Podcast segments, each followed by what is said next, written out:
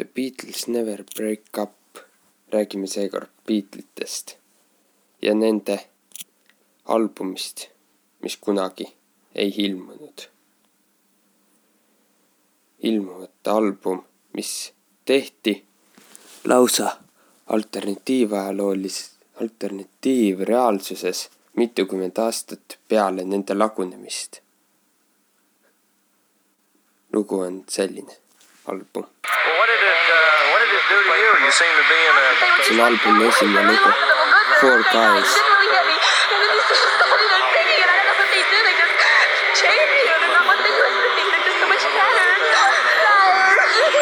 on see lehel öeldakse, see on tehtud otseselt iseenda kogemuste järgi.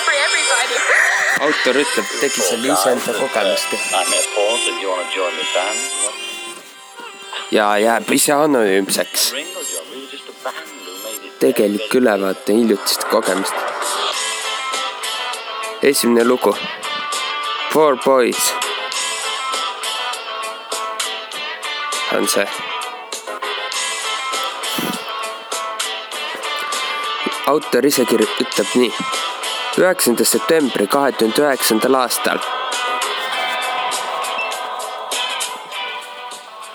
üheksanda septembri kahe tuhande üheksandal aastal kogesin midagi sellist, mille uskumisega on mul endiselt probleeme.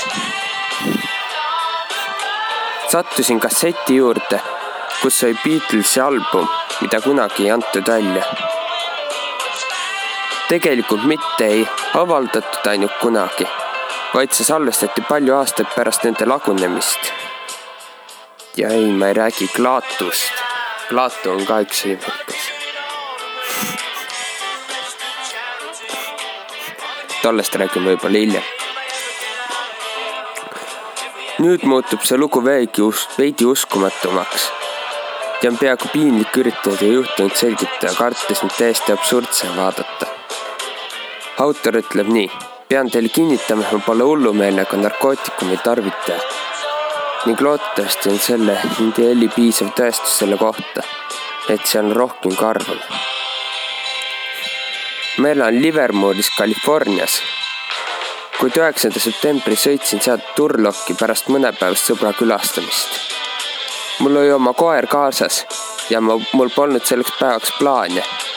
nii et otsustasin sõita läbi koha, mille nimi on Del Puerto Canyon, Turlockist läänes.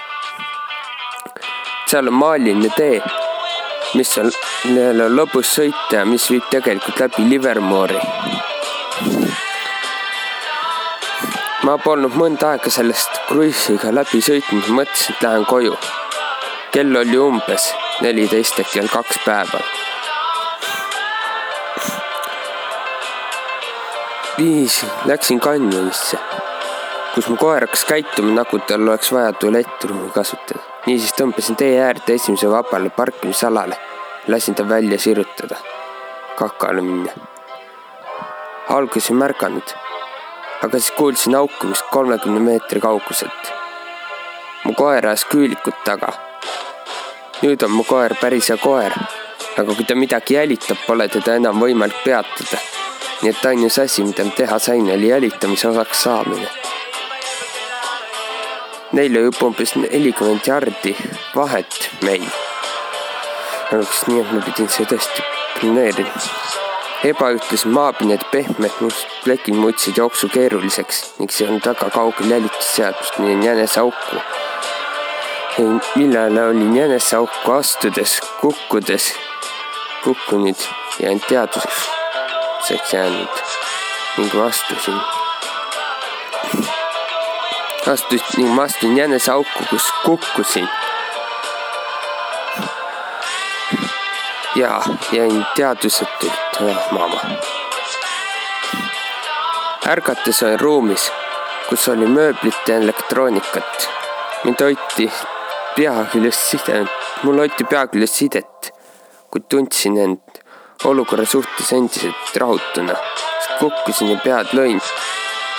siis kui olin kukkunud ja pea ära löönud, siis asus see maa, väga maapiirkonnas, asustamata piirkonnas, kus puudusid majad ja, ja väljaspool seda kohta, kus viibisin, ma kuulsin liiklust.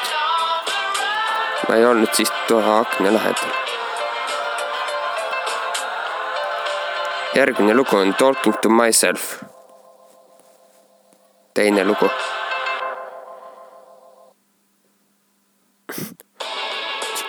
ei maapiirkonnas Talking to myself, teine lugu.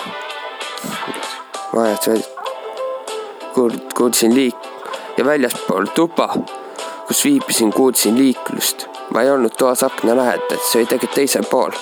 Ebatavalise väljanägemise elektroonilise masina kõrval, mida ma ei tundnud ära kusagilt, mida olen varem näinud. ainus põhjus, miks silma paistis, oli see, et see tundus inimese kodus kohatu mida enamus ruumist meelitas. otsustasin tõusta ja aknast välja vaadata. kui uks avanes ja sisse jooksis mu koer, kes sai mind näha päris põnev. kui ma üles vaatasin, seisis ukse taga mees, ta oli umbes kuus jalga pikk, keskmise pikkuse mustade juustega ja riietatud vabalt. Kena, kui ta andis mulle ras-, meelega teab, mida ma mõtlen. ta tutvustas end Joonas, küsis nüüd, kas mul on kõik korras, ma ütlesin jah. Jonas ta ütles, et leidis mind teadvusetu põlluk, kus mu koer haukus mind. nii et ma tänasin teda minu ja mu koera väljaaitamise eest ja ma olin üllatunud, et mu koer isegi tuli mu juurde tagasi. esitasin siis talle küsimuse, mis pani mind mõtlema, kas ma tegelikult hulluks läinud, küsisin talt, kus ma olen.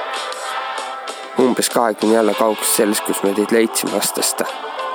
ma ütlesin, see pole võimalik, see on kakskümmend miili kaugusel majast, kus ma viimati mäletan, polnud ühtegi maja seejärel ütles ta mulle, et see, mida järgmisena ütleb, on väga šokeeriv usku võtta.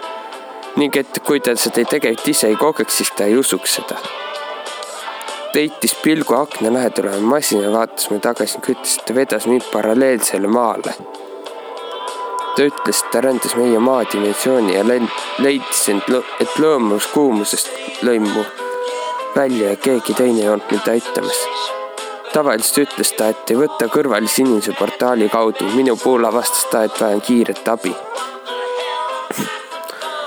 hakkasin kohe esitama küsimusi paralleelmaailmadesse reisimise kohta, sest selle teema kohta teadsin vaid teie ja Kaku tuubi videoid. Ta käskis mul loogu maha võtta, et selgitab ennast.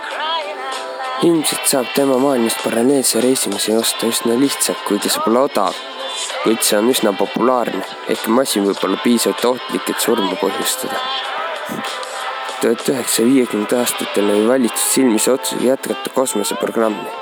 ma arvan, et NASA, et või paralleelse mõõtmeprogrammi, argptee rahastamist, mäletamist ütles see-eest, on üsna kindel, et PT on paralleelsed mõõt-, mõõtmed ja ma mäletan akronüümi, mis mälet-, märkasid seda palju ruumis asuvas elektroonikas Talking to myself on lugu. The Beatles. seejärel selgitas ta, et ühe masina kasutamine tegelik koht on uute mõõtmete uurimine. kuna teistes dimensioonides on lõpmatu hulk maid, on uuritud vaid väikest hulka. Tundmatute mõõtmete uurimise probleem on võimalus, et saate portaali ukseavast läbi kõndides kuidagi surma. ta ütles mulle, et inimesed surevad kukkumise tõttu kui maa pole portaali avamispaigale piisavalt lähedal. sureva uppumise tagajärjel on veega kaetud maailm, mille all on portaali raske uuesti avada. suletud tulekahju atmosfääri põhjustatud probleemidesse. ta ütles, et inimesed saaksid seda vältida, teades seal, kus nad reisivad, sarnane pinnas, nii et tema valitsus hakkas uurima maailma, kuhu oli ohutu transportida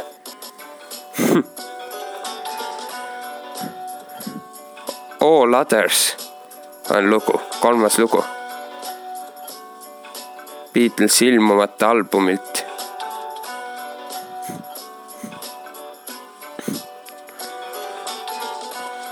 Paljud neist maailmadest olid lopsakad taimestikumaailmad, mida inimene kunagi rikkunud, vaid et sinna tungis rändurite suur ülerahvastatud elanikkond ta ütles midagi sellepärast avatud uute tööstusharude kohta üks neist oli näiteks dimensioonielu vahendajad. ja need inimesed pakkusid võimalust elada uut, uue inimesena juba loodud sarnases maailmas. Ma ei tea dimensioonilistest reisidest ega ka sellest inim-, et on inimesi, kes ületavad mõõtmetega piiri. Joonas sõnul olid ühedimensioonilise reisibüroo uurija ja otsis uusi kaardistamata mõõtmeid ning tuli üles minu maale. ma rääkisin paljudest asjadest. oli huvitav näha, millised sarnased erinevused meie maailmade vahel on. Toidu, kultuur, televiisor, tehnoloogia. kajastasin palju hakkasime rääkima ka muusikast, mis oli huvitav teema, kuna meie maailmade vahel oli palju samu bände, sealhulgas The Beatles. kui nende nimi üles kerkis, mainis Joonas, et tema vend naasis just hiljuti kontserdil esinemas käimisest, mille ma heitsin nimeliku pilgi ja ütlesin. sa mõtled, et nad on ikka koos? ta vastas jah. Rääkis ta siis sellest, kuidas nad meie maailmas laiali läksid, et John ja George lahkusid nüüd seast. ilmselt on ta maailmas kõik elusad terved ja endiselt tuuril. seejärel lasid Joonas mul teda järgmist tuppa jälgida, kus oli mõni kassett lintidega, jah, muusikaliselt ilmselt CD-sid pole tema maailmas kunagi haaranud. olemas olnud riiuli, riiul, välimus ja kassetimäng ja raadio, plaadimäng, kõik see polnud päris sarnane raadiotüübiga, kõlas, neist kõlas pigem kortsus, see on noh kõlasid üsna hästi, ma ei saanud kõlaritest liiga pilku, kui need polnud kindlasti ümmargused, nägid peaaegu välja nagu kõrge akord. ainus Beatlesi album, mis tal poest osteti, mille tõeline kaanepilt oli Sucked Peppers, kaan nägi välja veidi teistsugune kui meil, kuigi lood olid kõik ühesugused ülejäänud kuus Beatlesi linti, mis tal olid, olid sellised nagu keegi oleks nüüd tema jaoks tühja, kas tühja kassetti salvestanud. ja lugude pealkiri karpi lipistatud kaanele kirjutanud. paar lindi kirjutatud albumi peal tundsin ära, kuid neid oli umbes neli, millest polnud varem kuulnud. Ta mängis ühest neist mõne loo, mis oli täiesti sürreaalne, kujutab Beatlesi muusika, mida kunagi tehtud, vähemalt meie maailmas me rääkisime sellest natuke, ta ütles, et üks tüdruk tegi tal lindid juba keskkooli ajal, mida kutsub keskkooliks. ta oli nende suur fänn ja tahtis, et ta neid kuulaks.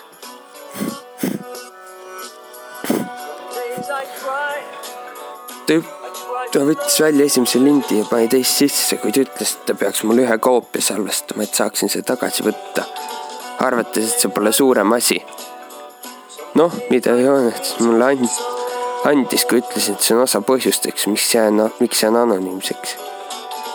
see mitte ainult ei hirmutanud mind, vaid sellel oli väga tõsine, peaaegu jube pilk, millele järgnes fraas, mitte sõna-sõna, ma mäletan täpselt ütles, ei, te ei tohi midagi kaasa võtta tagasi oma maailma. Pole pilte, pole suvenööre, pole linte, midagi. küsisin temalt, miks seda ei ütleks tegelikult välja. välja arvatud see, et minu turvalise huvides ei pidanud midagi tagasi võtma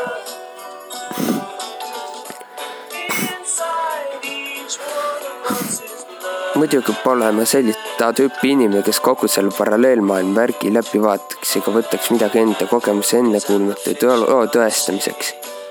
nii et ma ütlesin talle hetkel, et ma võtan midagi, muutsin teemat. umbes tund hiljem pärast veel mõnda jutuajamist kuulsin uksekella helistamist ja lahkus toast ust kontrollima. teadsin, et mul ei pruugi olla veel ühtegi võimalust midagi võtta. Haarasin ühe lindi ja panin taskusse ning segasin lindid ümber, et oleks vähem ilmne, et midagi on puudu. kui ta tagasi tuli, ütlesin mul nälg, et meid lihtsalt toast välja saada. segasin lindid veidi kokku, nii et oli raske öelda, et üks oli puudu, kuid ma ei tahtnud seal olla, kui ta leidis selle, leiaks selle. nii et ta viis mind siis teise tuppa ja söötis mind enamasti maitses toit meie moodi, kuid erinevate tootenimede ja värvidega lillakas ketšup oli kõige kummalisem. vestlesin veel natuke ja siis väljendasin arvamust, et peaksin minema hakkama, sest hakkasin hiljaks jääma. kellaaeg oli identne meie omaga nagu kõik maailmad, omad. järgmine lugu on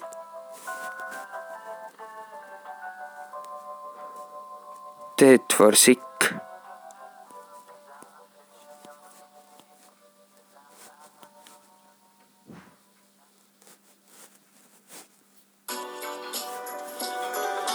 or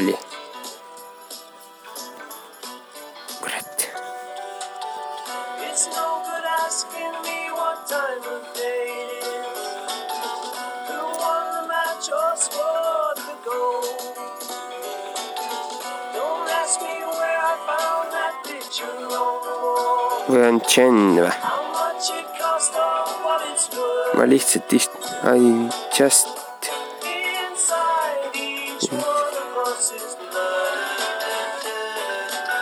kus ma nüüd jäingi? jäin ülesse. natuke aega.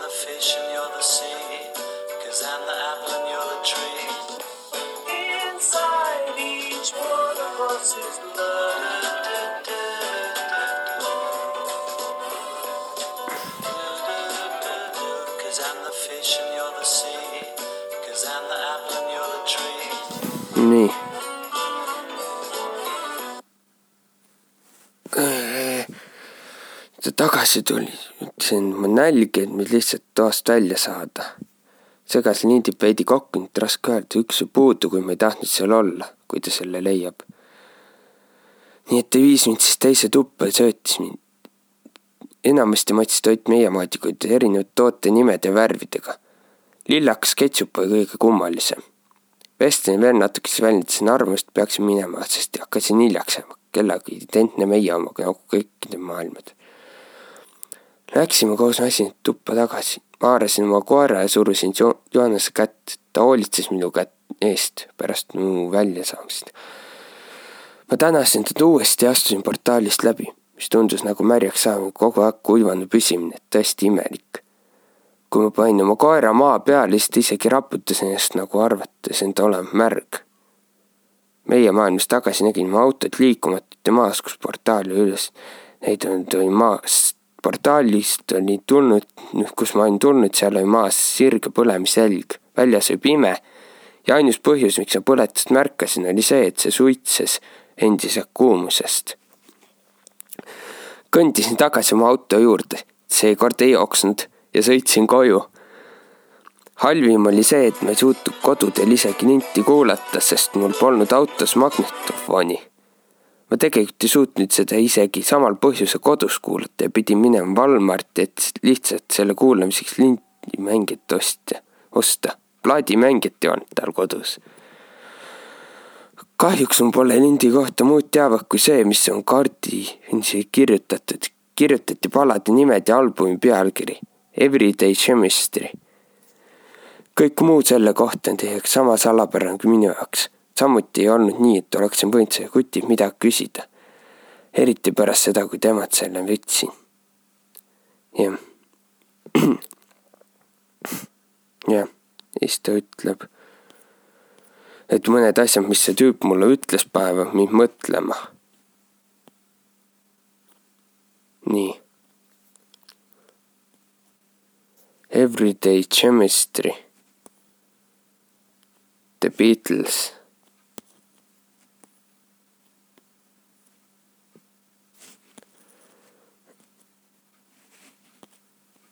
Selle kohta ma ei oskagi midagi öelda suurt selle tõelisuse kohta.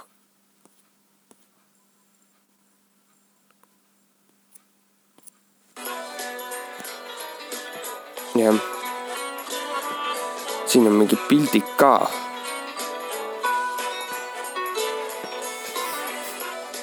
aa, need on need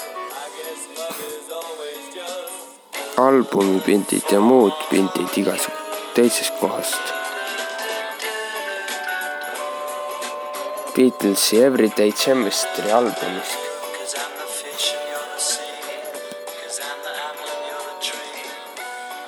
Tahaksin teada, mitmes lugu see on.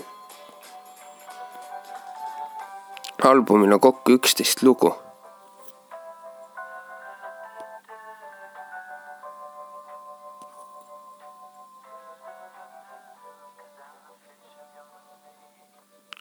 jah.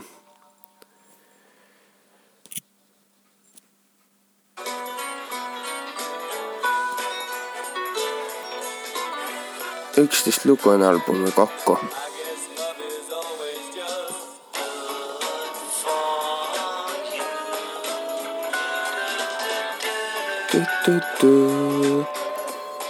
I m just sitting here on vist lu-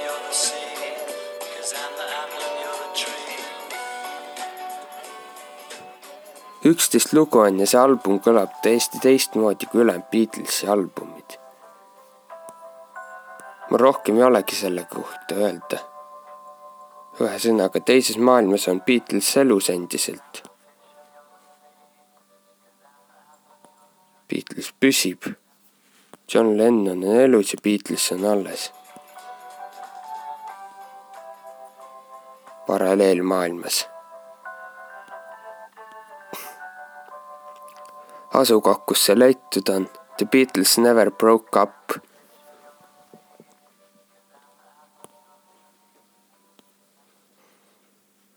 jah.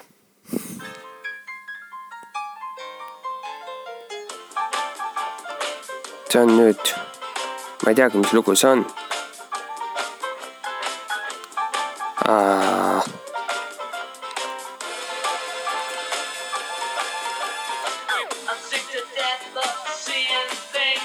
Sick to death on see vist. Oh, good.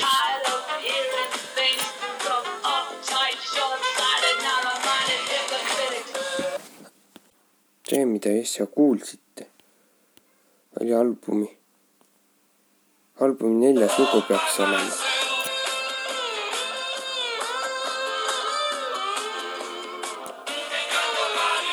neljas lugu Sick to Death, albumil kokku üksteist lugu, on võimalik siitsamast lehelt The Beatles Never Broke Up alla laadida.